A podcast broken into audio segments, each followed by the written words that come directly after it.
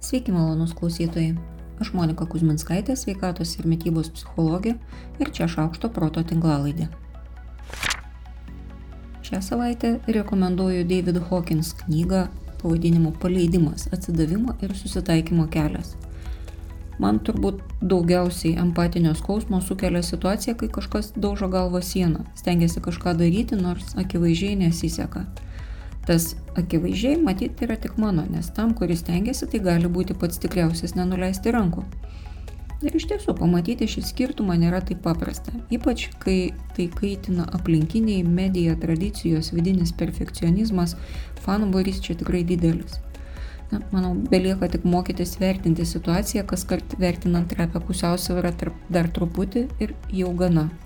Ir klausantis tyliausių savo patarėjų. Ši knyga apie tai, kaip ir kada nustoti daužyti galvą sieną. Yra labai daug akimirkų, kai tai nepasidavimas, o naujų durų atidarimas, už kurių gyvena mūsų naujo gyvenimo posūkis. Ar visada? Ne, tikrai ne, bet kaip žinosit, jeigu spręsit atsitiktinai, o ne sąmoningai.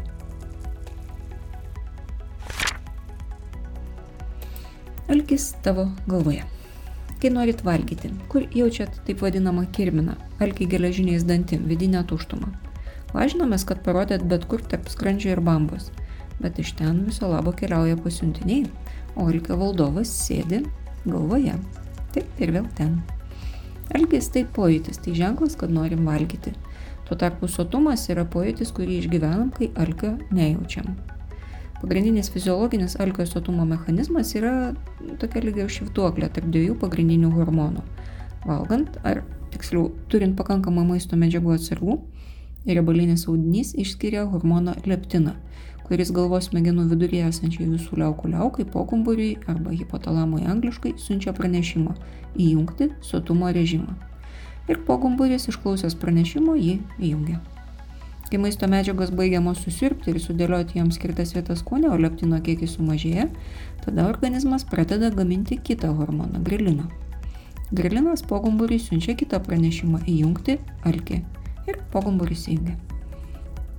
Alkio režimas veikia tol, kol žmogus nepavalgo, paprastai alkis pradedamas jausti praeis maždaug 4 valandom pavalgę. Taip, leptinas ir grilinas keičiasi savo įtokomis pogumburiui kelis kartus per dieną na, ir mano, kad valdo maisto paieškas ir patį valgymą.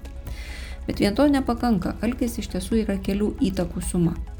Alka pojūtį galvoje taip pat sukelia. Mažas virškinamojo trakto įtempimas, tai yra tušės grandis ir žarnynas, apie kurį smegenims atraportuoja virškinamojo trakto nervai. Smegenų nuomonė apie kraujyje esančius pagrindinius statybinių ir energijos medžiagų, gliukozės, amino ir riebalinių rūgščių kiekius. Tam tikrų hormonų balansas, pavyzdžiui, padidėjęs insulino ir cholecistokinin kiekis slopina alkį, o gliukagono, epinefrino ir grelino skatina. Ne, čia atsiprašau už gausią terminiją vienam sakiniui. Dar alkį veikia psichologiniai veiksniai. Pomėgiai, norai, prisiminimai, mintis, kalba apie maistą, realus maisto vaizdas ir kvapas, maisto artumas, galimybė jį pasiekti, įpročiai valgyti tam tikrų metų reklamos aplinkinių žmonių, kurie mano nuomonė apie tai, kas nutinka, ką nors suvalgius arba nesuvalgius. Čia galim priminti Coca-Cola reklamą apie sukeliamus jausmus arba snikerių dyvas. Kai reklama labai graži ir labai patinka, jos nešama žinutė labai paprasta paversti kabutėse tiesa, nes prisiminti, jog taip malonu, nors jau nieko bendro su alkiu nebeturi. Beje, kuo dažniau maisto produktas valgomas, tuo mažiau jo norisi ir jis patinka. Dalis dietinių triukų, tokių kaip, tarkim, 12 kefyro dienų, naudoja šį mechanizmą. Apie nedraudžiamą maistą kefyrą net nebesinori galvoti, bet po dietos atsigriebama už visą patirtą kančią. Apie psichologinius veiksnius norisi kalbėti dar gerokai daugiau, o jų ir yra daugiau. Panašu, kad jie yra gerokai arčiau alkio ir sotumo sosto negu juodadarbiai leptinas ir grelinas. Nekreipiant dėmesio į tai, kodėl konkrečiai dabar norisi konkrečiai to snykerio, smegenys sprendžia sudėtingus valgymo motivacijos rebusus ir tikrai ne visada daro sveikatai tinkamiausius sprendimus. Todėl svarbus sąmoningas, dėmesingas ir apgalvotas valgymas, o ne toks, kur ko nors įsimesti už žando, kol svapinsiu telefone sėdėdama susirinkime.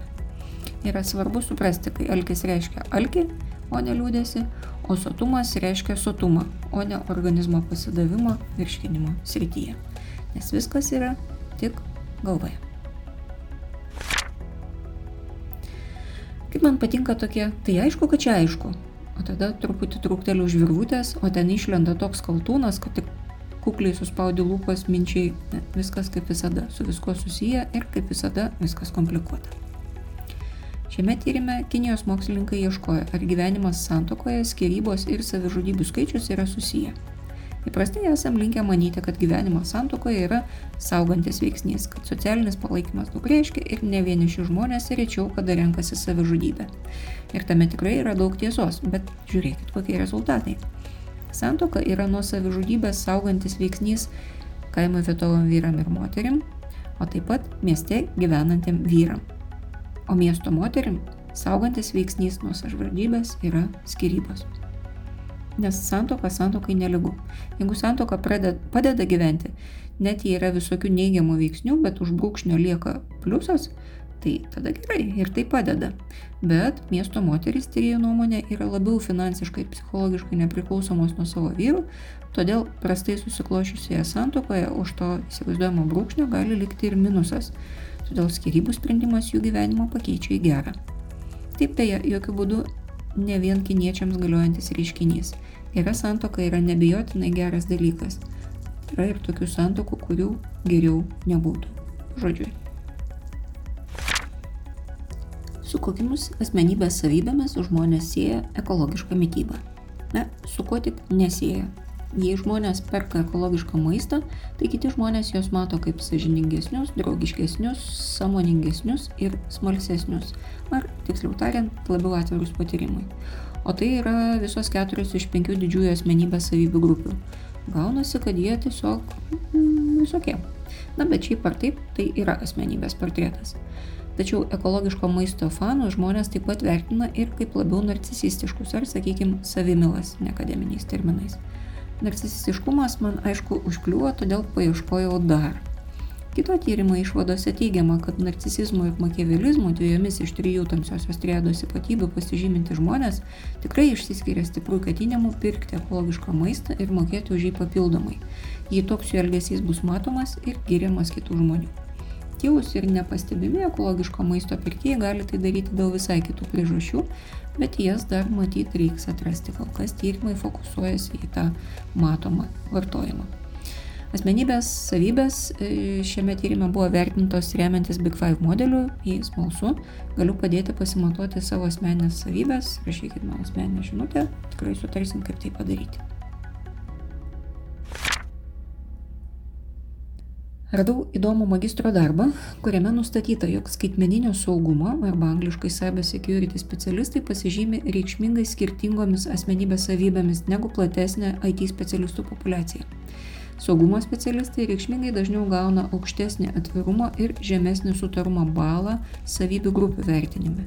Atskirų savybių tarpę saugumo specialistai taip pat gavo reikšmingai žemesnius atjautumo, pasitikėjimo, pažeidžiamumo, drovumo balus ir aukštesnius intelekto savęs įtvirtinimo ir polinkio į nuotykius balus.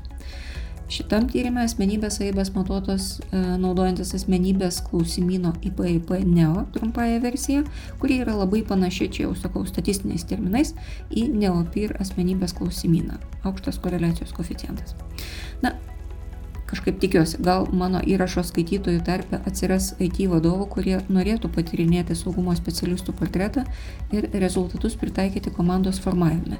Labai, labai norėčiau sudalyvauti tokiam projekte su Neopir klausimynu ir padėti išsiaiškinti, kokio darbuotojo portretas yra jums tinkamiausias ir bandyti atsirinkti naujus darbuotojus pagal tai arba kaip sykis padalinti darbuotojus į jiems tinkamiausias pozicijas pagal šio klausimino rezultatus. Taip, laikau pirštus sukryžiuotus. Žinau, kad daugelis šios temos nemėgsta ir vengia, na, bet toks metų laikas, o ir nauda apie tai pagalvoti yra tikrai apčiuopiama. Eksperimentui paveikslą pasiskolinsiu iš knygos. Įsivaizduokite, kad naktį važiuojate keliu nutiestų per dykumą. Kelias kyla aukštyn, leidžiasi žemyn ir žibintų šviesų kardai skrodžia tamsą. Aplinkui kelią stovi didelių kaktusų kliausės ir šmežuoja šikšnosparniai. Aplink iki horizonto visiškai tuščia. Ir tada galinio vaizdo veidrodėlėje pamatote, kad jums iš paskos važiuoja kitas automobilis. Matosi tik jo žibintai, bet jis nei priartėja, nei nutolsta. Jūsų pakeleivis sako, čia tavo mirtis. Ji visada per ištiestą rankos atstumą tau už kairę pėties. Ateis laikas jį išties ranką ir palies tavo petį. Kada laikas ateis, nežino niekas. Pasistengkite nepabėgti nuo šios būsenos, išklausykite, ką jie jums sako. Autorius sako, kad mirtis yra vertingiausia patarėja. Paprastai tokia būsena pradeda piltis mintimis apie tai, kad dar nelaikas, dar kažko nespėjot, o tai yra vienas iš geriausių būdų sukristalizuoti savo vertybės. O ką norėtumėt spėti? O ką darot jau dabar, kad spėtumėt? O kas jums trukdo tai daryti, jeigu to nedarot? Ar tai, kas trukdo, yra taip pat svarbu jums, jūsų supratimu? Ar kažkam bus svarbu tai, ką darot dabar, ar svarbiau bus tai, ko dabar nedarot. Jeigu norėtus ilgesnės e, šiam apmąstymui tinkamos atmosferos, labai rekomenduoju Netflix'e rasti ir pasižiūrėti serialą pavadinimu Sandman, ypač vieną epizodą apie seserį mirtį. Čia yra irgi mintinis eksperimentas, Eksperimentas yra viena iš dažnai naudojamų technikų kognityvinė elgesio terapija. Eksperimentas yra skirtas patikrinti įsitikinimo teisingumui. Įsitikinimai yra saliginai tvirti, bet nebūtinai teisingi sprendimai, kuriuos naudojam nekritiškai, nebetikrindami kiekvieną kartą jų teisingumą. Klaidingi įsitikinimai gali metų metais mus vesti neteisingų kelių, taip ir nesuprantant, kas su manim, ar su kitais, ar su pasauliu yra negerai o eksperimentas leidžia atpažinti klaidas įsitikinime ir stovint akistatoje su nauja informacija pataisyti ir perkonstruoti iš naujo. Šiuo atveju įsitikinimas gali būti apie tai, kad e, galvojimas apie mirtį nieko gero net neš, jis sukelia tik neigiamas emocijas ir tam skirti laiko neverta.